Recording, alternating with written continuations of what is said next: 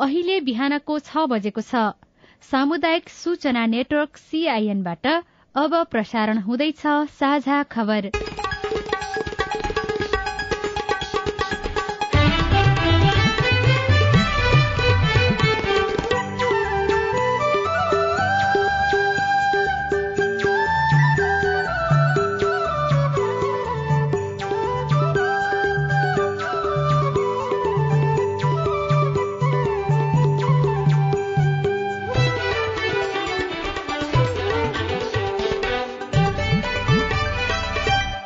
प्रभात यो सीआईएनको साझा खबर हो। उषा तामाङसँगै लील प्रकाश चन्दको तपाईँलाई स्वागत छ। सामुदायिक रेडियोबाट देशैभरि एकैसाथ प्रसारण भइरहेको साझा खबर सीआईएन खबर डट कम र मोबाइल एप सीआईएनबाट पनि सुन्न सकिन्छ। आज दुई हजार उनासी साल माघ सोह्र गते सोमबार जनवरी तीस तारीक सन् दुई हजार तेइस नेपाल सम्बत एघार सय त्रिचालिस माघ शुक्ल पक्षको नवमी तिथि आज शहीद दिवस। साझा खबरमा प्रमुख खबरका शीर्षकहरू। राहदानीको छानबिन नसकिँदै रवि लामिछानेलाई गृह मन्त्रालयमा फर्काउने तयारी नागरिकता भने पुरानै नम्बरको कायम राष्ट्रपति निर्वाचन घोषणा नभएकोमा कांग्रेस सशंकित अमेरिकी मन्त्री न्यूल्याण्ड काठमाडौँमा आजदेखि उच्च स्तरीय भेटघाट गर्ने सतासी प्रकारका नीतिगत विषय गोप्य राख्ने निर्णयबारे प्रधानमन्त्री बेखबर सूचना प्रविधि सुधारबारे आज छलफल हुँदै। होटेल व्यवसायमा बाह्र अर्ब लगानी थपिँदै न्यूनतम कार्यक्रम कार्यान्वयन योजना तयार इजरायलमा केयर गिभर छनौट प्रक्रिया पुनरावलोकन हुने। प्रहरीको गोली लागि घाइते भएका ओडिसाका राज्य स्वास्थ्य मन्त्रीको मृत्यु। इरानको एउटा सैनिक परिसरमा ड्रोन आक्रमण श्रीलंकाको अर्थतन्त्रमा सुधार हुन अझै दुई वर्ष लाग्ने अनुमान। र क्यानमा विवाद चुलिँदै अध्यक्ष सहितका पदाधिकारीको राजीनामा माग। सातौं राजर्षि जनक कप माघ पच्चीस गतेबाट हुने।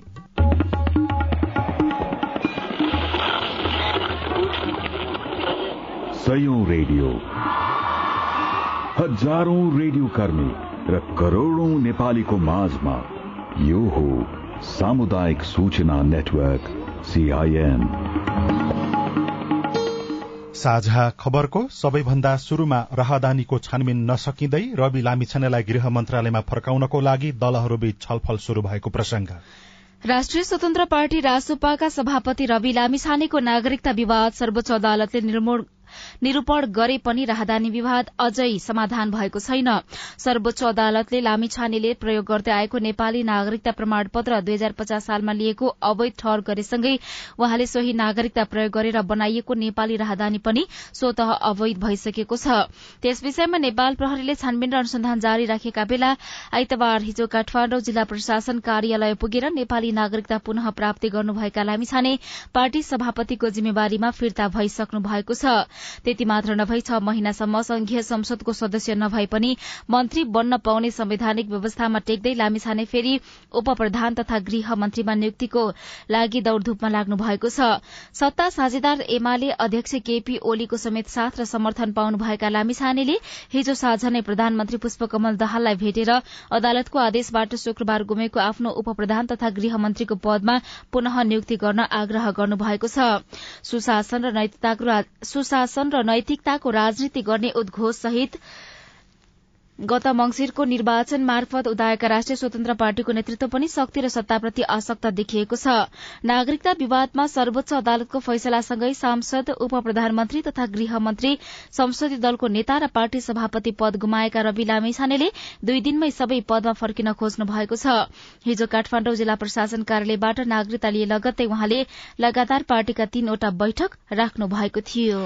राष्ट्रिय स्वतन्त्र पार्टीले लामिछानेलाई पुनः पार्टी सभापतिमा हिजो नियुक्त गरेको हो। सर्वोच्च अदालतले उहाँको नागरिकता कायम नरहेको बताएपछि सभापति पदबाट हट्नुभएका लामिछानेलाई हिजो बसेको पार्टीको केन्द्रीय समितिको बैठकले पुनः अध्यक्षमा चयन गरेको स्वतन्त्र पार्टीका उपाध्यक्ष तथा श्रम मन्त्री डोल प्रसाद अर्यालले सीआईएनसँग बताउनुभयो। पार्टीको सदस्यता लिनुभयो। पार्टीको सदस्यता लिएपछि हामी केन्द्रीय समितिले उहाँलाई केन्द्रीय समितिमा चयन गर्नुभयो। त्यसपछि केन्द्रीय समिति चयन हुने बित्तिकै त्यसपछि अर्को बैठकले चाहिँ उहाँलाई सभापतिमा निर्णय गरे गृह मन्त्रालयमा चाहिँ राजसपाको दावी चाहिँ रहिरहन्छ भन्ने खालका समाचारहरू थिए।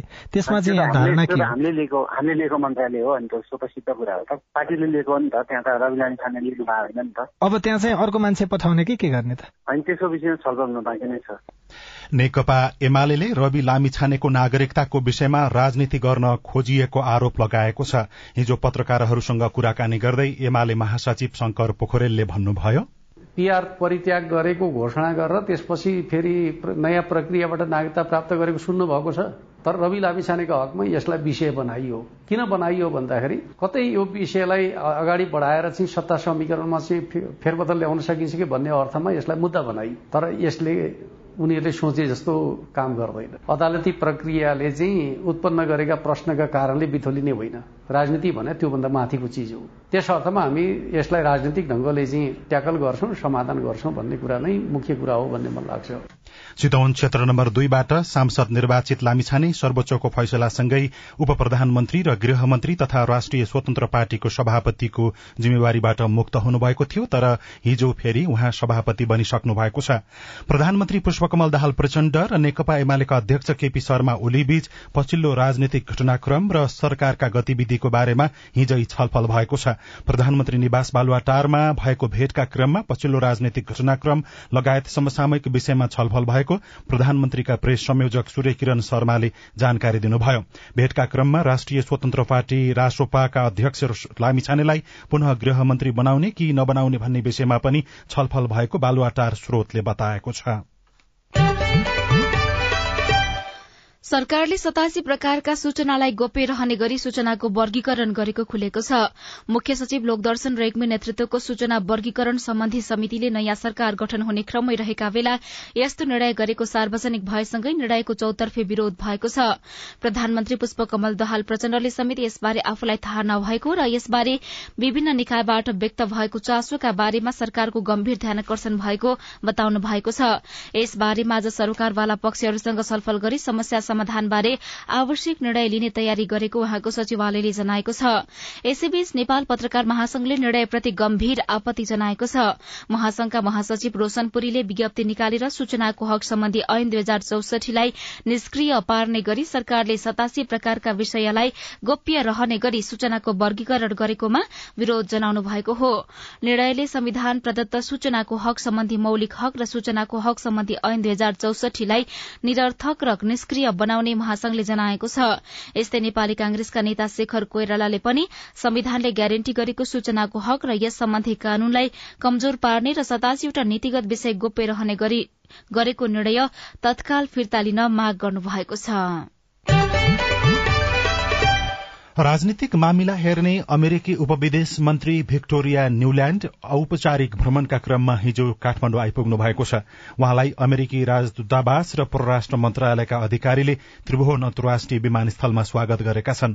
परराष्ट्र प्रवक्ता सेवा लम्सालका अनुसार अमेरिकी उपमन्त्री न्यूल्याण्डले आज प्रधानमन्त्री पुष्पकमल दाहाल प्रचण्ड र परराष्ट्र मन्त्री डाक्टर विमला राई पौड्यालसँग शिष्टाचार भेट गर्ने कार्यक्रम तय भएको छ।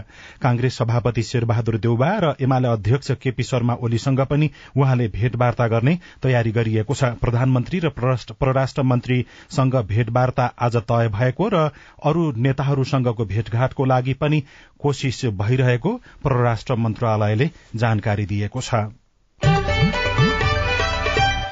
नेपालमा भोकमरीको अवस्थामा सुधार हुँदै गएको छ। विश्व भोकमरी सूचकांक प्रतिवेदन अनुसार सन् दुई हजारमा जोखिमपूर्ण रहेको नेपालको अवस्था दुई हजार बाइसको तथ्याङ्कमा सुधार भएको छ। प्रतिवेदन अनुसार अहिले नेपाल उन्नाइस दशमलव एक अंकका साथ एकासी स्थानमा छ। यसैकी सन् दुई हजार सात र सन् दुई हजार चौधमा नेपालको अवस्था गम्भीर तर जोखिमपूर्ण अवस्थाबाट सुधारमा आएको देखिएको थियो। सन् दुई हजार चौध यता नेपालले भोकमरी अवस्थामा दुई अंकको सुधार गरेको छ। प्रतिवेदन अनुसार नेपालमा भोकमरीको सबैभन्दा बढ़ी जोखिम कर्णाली प्रदेशमा देखिएको छ। सीआईएनसँग कुरा गर्दै खाद्यका लागि कृषि अभियन्ता कृष्ण प्रसाद पौडेलले सरकार कृषिका विषयमा अझै गम्भीर बन्न नसकेका कारण भोकमरीको स्थितिमा नेपालले अपेक्षाकृत सुधार गर्न नसकिएको बताउनुभयो। बाहिरबाट सस्तो सामानहरू आउँछ। अनि हाम्रा किसानहरूको उत्पादन बिग्दैन नबिगेपछि के भयो भने किसानले आफ्नो लागत नउठ्ने भएपछि उसले चाहिँ विकल्पको खोजी गर्यो जमिन बाँझो छोड्यो तर आफू अरब चिल्लायो रियल किसानलाई वडाको निर्णयबाट वडा तहबाट वा बढीमा गाउँपालिकाको तहबाटै सहायता दिनुपर्छ। उनीहरूको समर्थन मूल्य तोक्ने कुरा न्यूनतम मूल्य तोक्ने कुरा बजारलाई सुनिश्चित गर्ने कुरा नगरिकन किसानले आफ्नो उत्पादन नाफा हुँदैन र नाफा नभएपछि किसान खेतीपातीमा टिक्दैन।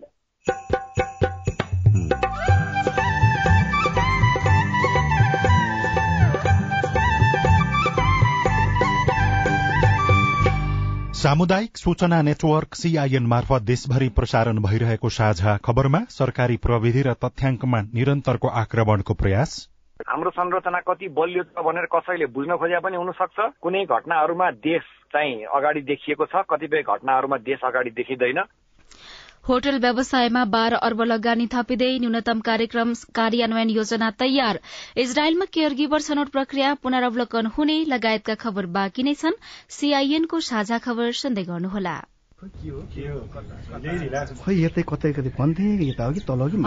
सर नमस्ते। हजुर नमस्ते नमस्ते। हजुर के सेवा गरौं?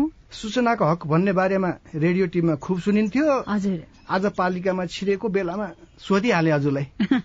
तपाईँले सही व्यक्तिलाई सही प्रश्न सोध्नुभयो। म चाहिँ यो पालिकाको सूचना अधिकारी हुँ। सूचनाको हक भनेको संविधान कानूनमा उल्लेख भएको नागरिकको अधिकार हो हजुर। अनि यो अधिकार त पत्रकारले मागे पाए भन्ने मात्रै सुनिन्छ त। हामी जस्ता सामान्य मानिसले कसरी प्रयोग गर्ने? सूचना माग्ने पत्रकारले मात्रै होइन। कुनै पनि नेपाली नागरिकले सूचना प्राप्त गर्ने कारण उल्लेख गरी सम्बन्धित सूचना सूचना अधिकारी समक्ष निवेदन दिनुपर्छ।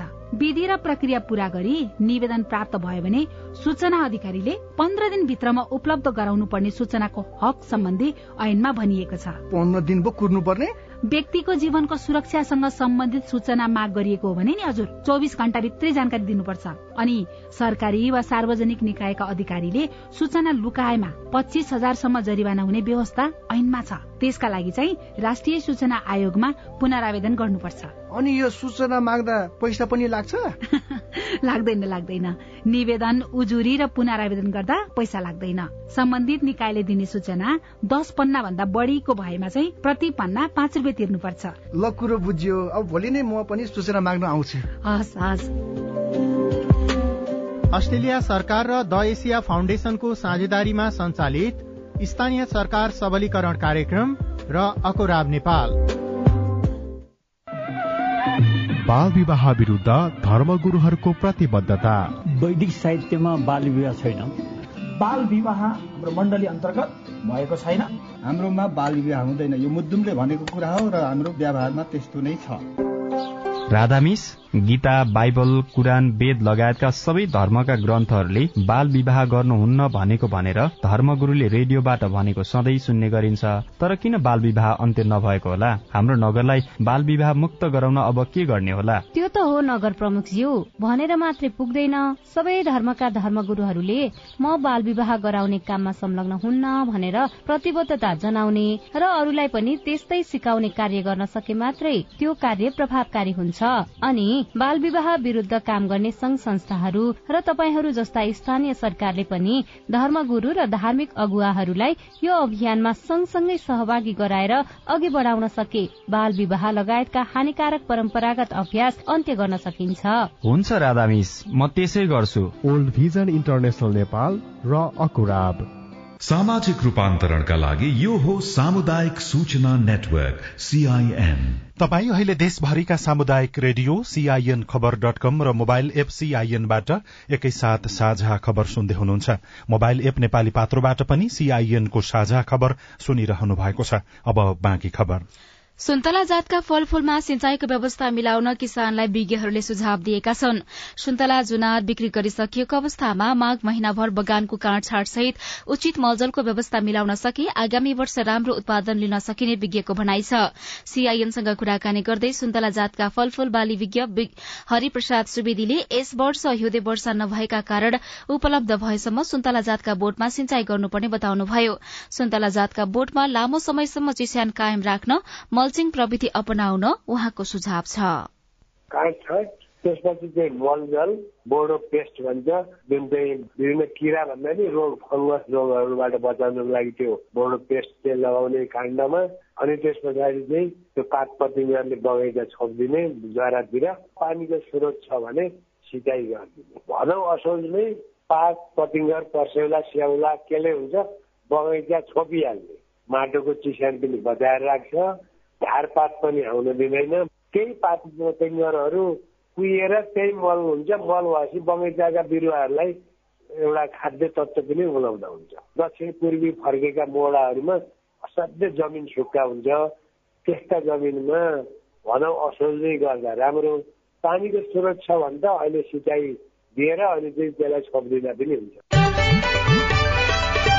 भूकम्पको हल्ला फैलिएपछि कर्णाली क्षेत्रका नागरिक रातभर आगो ताप्दै बसेका छन्। आज बिहान एक बजेदेखि छ बजेसम्म ठूलो भूकम्प आउने हल्ला चलेपछि हुम्ला मुगु र जुम्लाका अधिकांश नागरिकहरू रातभर बाहिर खेतबारी र स्कूलमा आगो तापेर बसेको रेडियो श्रीनगर हुम्लाले खबर पठाएको छ। भूकम्पविदहरूले भूकम्प कति बेला आउँछ भन्ने विषयमा कसैलाई पनि जानकारी नहुने भएकाले त्यस्ता हल्लाको पछि नलाग्न सुझाव दिएका छनृ। अब आज काठमाडौँबाट प्रकाशित पत्र पत्रिकाको खबर। नयाँ पत्रिका दैनिकमा कन्सुलर र राहदानी सेवा लिन सधैँ शास्ति सेवाग्राही लाइनमा पालो कुर्दै कर्मचारी घाम ताप्दै शीर्षकमा खबर छ भने संसदीय क्यालेण्डरमा दलहरू विभाजित पहिलो पटक उपसभामुखलाई सभा प्रारम्भ र समाप्तिको अधिकार प्रस्ताव शीर्षकमा कमलराज भट्टले खबर लेख्नु भएको छ। संसदलाई प्रभावकारी बनाउन प्रस्ताव गरिएको संसदीय क्यालेण्डरमा दलहरू विभाजित भएका छन्। प्रतिनिधि सभा नियमावली मस्यौदा समितिको छलफलमा दलीय प्रतिनिधित्व गरेका सदस्य सदस्यहरू विभाजित बनेका हुन्। कांग्रेस एमाले र माओवादीले संसदीय क्यालेण्डर व्यावहारिक नहुने तर्क गरेका छन् तर नयाँ दलहरूले संसदलाई उत्तरदायी र सक्रिय बनाउन संसदको गतिविधि पूर्व निर्धारित गरेर अघि बढ़नुपर्ने अड़ान राखेका छन्।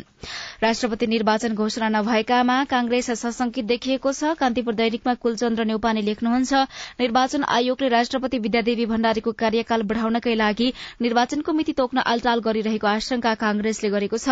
कांग्रेसले निर्वाचन निर्वाचनको मिति तत्काल घोषणा गर्न निर्वाचन आयोगको ध्यानकर्षण पनि गराएको छ। कांग्रेसले कानूनी व्यवस्था बमोजिम राष्ट्रपतिको चुनाव हुनुपर्ने माग उठाउँदै आएको छ। नागरिक दैनिकको भित्री पन्नामा होटल व्यवसायमा बाह्र अर्ब लगानी थपिँदै शीर्षकमा खबर छ। कान्तिपुर दैनिकमा तामाकोशी पाँचौं निर्माणका लागि छानिए दुई चिनिया कम्पनी शीर्षकमा केदार शिवाकोटीले दोलखाबाट लेख्नु भएको छ। सिविल संरचनाको अन्तिम छनौटमा सिनो हाइड्रो कर्पोरेशन र चाइना गेजुवा ग्रुप कम्पनी छनौट भएका हुन्। शहीद सप्ताहको अन्तिम दिन आज शीर्षकमा नेपाल समाचार पत्र दैनिकमा खबर छ सप्ताहव्यापी शहीद दिवसको अन्तिम दिन आज शान्ति बाटिकाबाट प्रभात फेरी शुरू गरी बिहान नौ बजे शहीद स्मारक लैनचौरमा स्मृति सभाको आयोजना गर्ने कार्यक्रम काठमाण्डुमा रहेको छ। त्यसै गरी राजधानी दैनिकमा बजारमा नक्कली मदिराको बिगबिगी शीर्षकमा खबर छ राजधानीमै विदेशी ब्राण्डका नक्कली मदिरा बनाउने कारखाना भेटिएको मधुजङ पाण्डेले लेख्नु भएको छ। गोर्खापत्र दैनिकमा केयर गिभरको प्रक्रिया पुनरावलोकन हुने शीर्षकमा खबर छ इजरायलमा काम गर्ने सहायक श्रमिक केयर गिभरको छनौट प्रक्रियालाई पुनरावलोकन गरिने भएको छ। यसअघिको प्रक्रिया असाध्यै ढिलो भएकाले यसलाई छिटो छरितो बनाउन र पुनरावलोकन गर्ने विषयमा नेपाल सरकार र इजरायल सरकार बीच छलफल भएको हो। श्रम रोजगार तथा सामाजिक सुरक्षा मन्त्रालय वैदेशिक रोजगार विभाग र नेपालका लागि इजरायली राजदूतसँग भएको पटक पटकको छलफलमा सबै प्रक्रिया पुनरावलोकनको विषय उठेको हो। सोही पृष्ठमा न्यूनतम कार्यक्रम कार्यान्वयन कार्ययोजना तयार भएको खबर छापिएको छ। अर्थ मन्त्रालयले नीतिगत प्राथमिकता र न्यूनतम कार्यक्रम कार्यान्वयन गर्न कार्य योजना तयार गरेको छ। मन्त्रालयले चालु आर्थिक वर्षमा सञ्चालित प्राथमिकता र न्यूनतम साझा कार्यक्रम कार्यान्वयन गर्न कार्य योजना तयार गरेको हो। साझा खबरमा अब प्रश्नोत्तर श्रृंखला सजना तिमल सिन्हाबाट। सीआईएनको फेसबुक पेजमा सल्यानका सन्तोष विकले आफू अध्ययनरत क्याम्पसमा समयमै थेसिस बुझाएको र भाइबा पनि भएको तर कलेज प्रशासनले थेसिसको अंक त्रिभुवन विश्वविद्यालयमा समयमा नबुझाउँदा आफू समस्यामा परेको लेख्नु भएको छ। सन्तोषजी तपाईँको समस्या सुनेपछि त्रिभुवन विश्वविद्यालयका रजिस्ट्रार पेशल दाहाल भन्नुहुन्छ। उहाँले निवेदन हाल्नु पर्यो यसरी यसरी गरेको भनेर उहाँले त्यो संसार निवेदनको हेर्दाखेरि उहाँको गल्ती रहेन रहेछ भने विश्वविद्यालयले कन्सिडर गरिदिन्छ। निवेदन चाहिँ अब परीक्षा कन्ट्रोलरको हाल्दैन हुन्छ रजिस्ट्रारको हाल्दैन हुन्छ। जहाँबाट भने हाम्रो घुमेर एकै ठाउँ आउने हो। हाम्रो फेसबुक पेजमै राजाराम बुढाज छेत्रीले तीन वा सोभन्दा बढ़ी विषयमा एनजी आएका विद्यार्थीले कतिवटा विषयको परीक्षा दिनुपर्छ भनेर सोध्नु भएको छ। तपाईँको प्रश्न हामीले राष्ट्रिय परीक्षा बोर्ड अन्तर्गत कक्षा बाह्रका परीक्षा नियन्त्रक कृष्ण शर्मालाई सुनाएका छौं। दुई विषय लागेकालाई तीन वर्षसम्म दुई विषय मात्रै दिन पाउँछन् र तीन विषय भन्दा माथि छ भने सम्पूर्ण विषय परीक्षा दिनुपर्ने त्यो व्यवस्था गरेका छ होइन? म कमल बजार नगरपालिका नम्बर तिन अछामबाट मिलन ढकाल बोल्दैछु। मैले विक्रम सम्बत दुई हजार अठहत्तर भाद्र एकतिस गते कक्षा बाह्रको इक्जाम दिनुपर्ने थियो। मैले विविध कारणवश दिन सकिनँ त्यसको इक्जाम दुई हजार उनासीमा दिएको प्रयोगत्मकमा देखाउनु पर्ने सब क्रियाकलाप भइसकेको छ। र अहिलेसम्म डकुमेन्ट मेरो हातमा परेको छैन। त्यसको लागि रिजल्ट कहिले आउँछ होला? यो प्रश्नको पनि जवाफ दिँदै हुनुहुन्छ परीक्षा नियन्त्रक शर्मा। जाँच दिएको रिजल्ट आएन भन्ने कुरो त अब सम्बन्धित ठाउँमा गएर निवेदन हाल्नु पर्यो विद्यार्थी भाइको घर कहाँ हो होइन? सम्बन्धित हाम्रो प्रदेश कार्यालयहरू छन् त्यहाँ गएर निवेदन दिनु पर्यो जहाँ दिएको प्रवेश पत्र राखेर निवेदन दियो भने त्यहाँ त्यहाँबाट उहाँको रिजल्ट प्राप्त हुन्छ। नमस्कार म सिन्धुलीबाट गौरव पहाडी राष्ट्रिय परीक्षा बोर्डले यो कक्षा एघारमा मार्कसिट उपलब्ध गराउनु पर्ने हो र त्यसपछि टिएमपी उपलब्ध गराउनु पर्ने हो। त्यसको हकमा अहिलेसम्म त्यो कक्षा एघार अन्तर्गतका मार्कसिट उपलब्ध गराउन सकेन। किन? तपाईँको प्रश्नको पनि जवाफ दिँदै हुनुहुन्छ परीक्षा नियन्त्रक शर्मा। एघारको मार्कसिट हो भने विद्यालयले दिने हो बाह्रको ट्रान्सक्रिप हो भने सम्बन्धित प्रदेश कार्यालयमा गएर बिल काट्यो भने राजस्व बुझाएपछि पाइन्छ। हेलो नमस्कार मेरो नाम अशोक सुनाथ म पोखराबाट एसई परीक्षा कुन महिनाबाट सुरु हुन्छ यो राष्ट्रिय परीक्षा बोर्डले यो वर्षको एसईई चैत सत्रदेखि उनातिस गतेसम्म सञ्चालन गर्ने निर्णय गरेर तालिका नै सार्वजनिक गरिसकेको छ। तपाई जुनसुकै बेला हाम्रो टेलिफोन नम्बर शून्य एक बान्न साठी छ चार छमा फोन गरेर आफ्नो प्रश्न जिज्ञासा गुनासा अनि समस्या रेकर्ड गर्न सक्नुहुनेछ। साझा खबरमा अब विदेशका खबर। प्रहरीले गोली हानेपछि घाइते भएका भारतको ओडिसा राज्यका स्वास्थ्य मन्त्री नवकिशोर दासको मृत्यु भएको छ। ओडिसाको झारसुगुडा जिल्लाको वज्र राजनगरमा एकजना प्रहरीले उहाँमाथि गोली प्रहार गरेका थिए। गोली लागि घाइते भएका उनलाई राजधानी भुवनेश्वर स्थित एक अस्पताल लगिएकोमा उपचारका क्रममा मृत्यु भएको हो। मन्त्रीमाथि गोली चलाउने प्रहरीलाई पक्राउ गरिएको छ। श्रीलंकाका राष्ट्रपति रनिल विक्रमासिंघेले मुलुकको अर्थतन्त्रमा सन् दुई हजार चौबिसदेखि सुधार हुने बताउनु भएको छ। श्रीलंकाको अर्थतन्त्र सन् दुई हजार बाइसमा एघार प्रतिशत ऋणात्मक भएको थियो र इरानको एउटा सैनिक परिसरमा ड्रोन आक्रमण भएको छ। इरानी रक्षा मन्त्रालयले इस्पाहान शहर स्थित एउटा सैनिक परिसरमा भएको ड्रोन आक्रमणलाई विफल पारिएको दावी गरेको छ। साझा खबरमा अब खेल खबर। नेपाल क्रिकेट संघ क्यानका साथ असन्तुष्ट केन्द्रीय सदस्यले अध्यक्ष चतुरबहादुर चन्दसँगै कार्य सम्पादन समितिका पाँच सदस्यको राजीनामा मागेका छन्। केन्द्रीय सदस्यहरू छुम्बी लामा ऋषिराम गौतम दाउद अन्सारी संजय राज अन्सारी करण महतराज छेत्री अमित वीर पाण्डे र धर्मराज गिरीले नेतृत्व विरूद्ध नै असन्तुष्टि जनाउँदै अध्यक्षको राजीनामा माग गरेका हुन्। प्रशिक्षक मोन्टी देसाईले राखेपको स्वीकृति बिनै हिजोदेखि राष्ट्रिय क्रिकेट टोलीको प्रशिक्षण शुरू गर्नु भएको छ। क्यानको कार्य सम्पादन टोली हुँदै प्रशिक्षक छनौट समितिले भारतीय नागरिक मोन्टीलाई प्रशिक्षकको रूपमा छनौट गरेको छ। शनिबार नेपाल आइपुगेका मोन्टीले किर्तिपुर स्थित त्रिवी क्रिकेट मैदानमा राष्ट्रिय टोलीको प्रशिक्षण शुरू गर्नु भएको हो। र मध्य प्रदेशमा आयोजना हुने सातौं राजर्षि जनक कप फुटबल प्रतियोगिता पच्चीस माघबाट शुरू हुने भएको छ। बागमती युवा क्लबले हिजो प्रतियोगिता सम्बन्धी जानकारी दिँदै प्रतिष्ठित बाह्र क्लबले सहभागिता जनाउने जानकारी गराएको हो। सूचना प्रविधिमा नेपालको कमजोरी र सुधार्नुपर्ने पक्ष रेडियो कुराकानी स्वस्थ जीवनशैलीसँग सन्देश अरू खबर र कार्टुन पनि बाँकी नै छ। सीआईएनको साझा खबर सुन्दै गर्नुहोला। रे जाडो बेला हिमालयमा हिउँले चिसो पहाडमा तुसारोले मधेसितहरूले गाइने दाईको कामै हजुर सूचना र सन्देश दिने चिसोबाट क्यारी बस्ने सुन्नुहोस् गाउँछ हरले र्याई र्याई सारङ्गी तारा चिसोबाट जोगिनुहोस् हजुर। दिउँसो भन्दा साँझ बिहान चिसो हुन्छ धेर। न्यानो लुगा लगाएर हिँडौँ बाहिर फेर। बुढाबुढी बालबच्चाको विशेष ध्यान राखौँ। दमखोकी निमोनिया हुनबाट जोगाउँ। चिसो लाउला रोगले साताउला तातो पानी पिउनाले जोगाउला। कोइला बाली निदाउँदा निसासिने डर छ राम्रोसँग आगो निभाइ सुत्न जानुपर्छ। तातो खानु झोलिलो पोसिलो न्यानो हुने उपाय सजिलो। सार्वजनिक हितका लागि सामुदायिक रेडियो प्रसारक संघ अकुराब। सामाजिक रूपान्तरणका लागि यो हो सामुदायिक सूचना नेटवर्क सीआईएन साझा खबरमा अब सूचना प्रविधि चुस्त दुरूस्त राख्ने कुरा। शनिबार दिउँसो केही बेर नेपालका सरकारी वेबसाइटहरू बन्द भए। GOV dot com dot NP server भएका सरकारी साइटहरूमा एकैसाथ समस्या देखिँदा समेत सरकारले यस बारेमा औपचारिक रूपमा केही जानकारी गराएको छैन। नेपाल साइबर सुरक्षाका दृष्टिले कति बलियो छ। यसबारे साथी अविनाश आचार्यले आईटी विज्ञ राजीव सुब्बासँग कुराकानी गर्नुभएको छ। अहिलेसम्मको मिडियामा आएको कुराहरू र इन्फर्मल्ली बुझ्दाखेरि चाहिँ यो ह्याकिङ भएको घटना होइन यो चाहिँ साइबर आक्रमण हो। ह्याक हुनु र आक्रमण हुनुमा फरक चाहिँ के हुन्छ? आक्रमण भनेको क्रिटिकल इन्फ्रास्ट्रक्चरमा एट्याक गरियो। ह्याक भनेको तपाईँको अनधिकृत प्रवेश गर्ने कुरा भयो। हामीले के बुझ्नु पर्यो भने साइबर सेक्युरिटी प्याराडाइममा चाहिँ ह्याक भनेको एकदम लो एन्डको साइबर अपराध हो। यो जुन घटना छ यो घटना भनेको तपाईँको हाम्रो राष्ट्रिय सुरक्षासँग जोडिएको विषय हो। किनभने अब राष्ट्रिय सुरक्षाको अभिन्न अङ्ग भनेको साइबर सुरक्षा हुन्छ।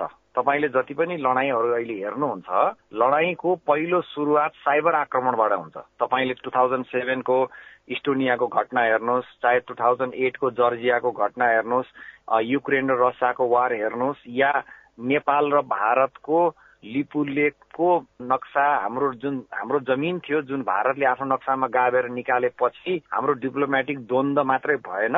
नेपाली साइबर सेक्युरिटीकामा काम गर्ने मान्छेहरू ह्याकरहरू र इन्डियन ह्याकरको बीचमा दोहोरी चल्यो साइबर संसारमा। ट्वेन्टी ट्वेन्टीको इन्टरपोलको रिपोर्टले पनि के भन्छ भने अबको आक्रमण भनेको क्रिटिकल इन्फ्रास्ट्रक्चरमा हुन्छ जस्तो दूरसञ्चार फिनटेकहरू ब्याङ्किङ सेक्टरहरू हेल्थ सेक्टरहरूमा आक्रमण हुन्छ भनेको छ। तपाईँले भनेको जस्तो लिपुलेकको विषय कालापानीको विषय जसरी उठ्यो र त्यसपछिका घटनाक्रमहरू जसरी विकसित हुँदै आए तत्कालै भएको यो घटना पनि काहीँ त्यसै गरी उत्पत्ति भएको हो कि त्यसैबाट विकास भएको हो कि भन्न सकिने आधार छन्? त्यो आधार छैन तर ट्रेन्डहरूले के देखाउँछ भने नेपालको होल सूचना प्रणाली सिस्टम कस्तो छ भनेर टेस्ट गरे पनि हुन सक्छ वेबसाइटहरू अन्य सरकारी संयन्त्रहरू कुन जगमा कति बलियो जगमा बनेका छन् भन्ने कुराले मतलब राख्छ कि राख्दैन? राख्छ। हाम्रो संरचना कति बलियो छ भनेर कसैले बुझ्न खोजे पनि हुन सक्छ कुनै घटनाहरूमा देश चाहिँ अगाडि देखिएको छ। कतिपय घटनाहरूमा देश अगाडि देखिँदैन। संसारमा तेत्तिसवटा भन्दा बढी राष्ट्रहरूसँग साइबर अफेन्स गर्ने क्षमता छ।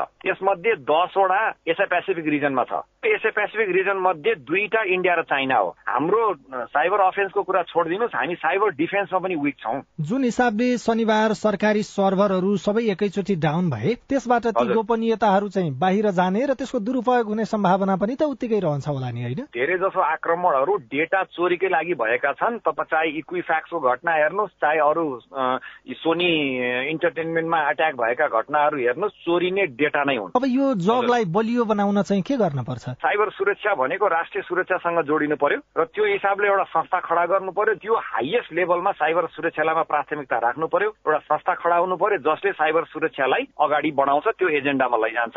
हरेक इन्फर्मेसनमा चाहिँ इन्फर्मेसन सिस्टममा बस्ने हुनाले इन्फर्मेसन सिस्टमलाई बलियो बनाउन सक्नु पर्यो एट्याक हुन साथ त्यो चाहिँ रिजिलियन्ट हुनु पर्यो बिजनेस कन्टिन्युटी प्लान हुनु पर्यो केही प्रोटोकल हुनु पर्यो अहिलेसम्म चाहिँ सरकारले यस सम्बन्धमा कुनै जानकारी दिएको छैन। साइबर सुरक्षा बलियो नगराएको आधारमा के कति कुरामा क्षति बेहोर्न पर्ने हुन सक्छ पहिलो त म त सोभरेन्टी नै खतरामा हुन्छ भन्छु। अब सोभरेन्टी भनेको मेची र कालीको बोर्डर मात्रै होइन। डिजिटल स्फेयर पनि हो। दोस्रो कुरा हाम्रो डेटाहरू चोरी हुन्छ। क्रिटिकल इन्फ्रास्ट्रक्चर भएन भने हामी पेमेन्ट गर्न सक्दैनौँ ब्याङ्किङ कारोबार गर्न सक्दैनौँ। हामीले साइबर सुरक्षालाई ध्यान दिएनौँ भने हाम्रो भनरेबिलिटी त बढ्दै जान्छ नि। त्यो समस्या चाहिँ हामीलाई आइलाग्छ। यो कुराकानीसँगै हामी साझा खबरको अन्त्यमा आइपुगेका छौं। सामुदायिक रेडियो प्रसारक संघद्वारा संचालित सीआईएनको बिहान छ बजेको साझा खबर सक्नु अघि मुख्य मुख्य खबर फेरि एकपटक। राहदानीको छानबिन नहुँदै रवि लामी छानेलाई गृह मन्त्रालयमा फर्काउने तयारी। नागरिकता भने पुरानै नम्बरको कायम। राष्ट्रपति निर्वाचन घोषणा नभएकोमा कांग्रेस शंकित अमेरिकी मन्त्री न्यूल्याण्ड काठमाण्डुमा आजदेखि उच्चस्तरीय भेटघाट। सतासी प्रकारका नीतिगत विषय गोप्य राख्ने निर्णयबारे प्रधानमन्त्री बेखबर। होटल व्यवसायमा बाह्र अर्ब लगानी थपिँदै न्यूनतम कार्यक्रम कार्यान्वयन योजना तयार। इजरायलमा केयर गिभर छनौट प्रक्रिया पुनरावलोकन हुने। प्रहरीको गोली लागि घाइते भएका उडिसाका स्वास्थ्य मन्त्रीको मृत्यु। इरानको एउटा सैनिक परिसरमा ड्रोन आक्रमण श्रीलंकाको अर्थतन्त्रमा सुधार हुन अझै दुई वर्ष लाग्ने। र क्यानमा विवाद चुलिँदै अध्यक्ष सहितका पदाधिकारीको राजीनामा माग। साझा खबरको अन्त्यमा कार्टुन। कार्टुन हामीले राजधानी दैनिकमा उत्तम नेपालले बनाउनु भएको कार्टुनलाई लिएका छौं। व्यङ्ग्य गर्न खोजिएको छ। शहीद दिवसको दिन शहीदको शालिगमा गएर माल्यार्पण गर्ने कार्य हुन्छ तर शहीदका सपनाहरू पूरा नभएको भनेर आलोचना पनि हुने गर्छ सरकार र राजनैतिक दलहरूको। एकजना नेता जसको पिठ्यूमा राजनीतिक दल लेखिएको छ ती केही निहुरिएर एउटा शहीदको शालिगमा माल्यार्पण गर्नको लागि अगाडि बढ़न खोज्दैछन् तर शहीदले हातले घाँटीमा च्याप्प समातिदिएका छन्। ती नेता जस्ता देखिने व्यक्तिको मुखबाट केही आइराखेको छ माथि चाहिँ यस्तो लेखिएको छ। जहिले नि फूलमाला र चिप्ला कुरा मात्र ल्याउने खै हाम्रा सपनाहरू।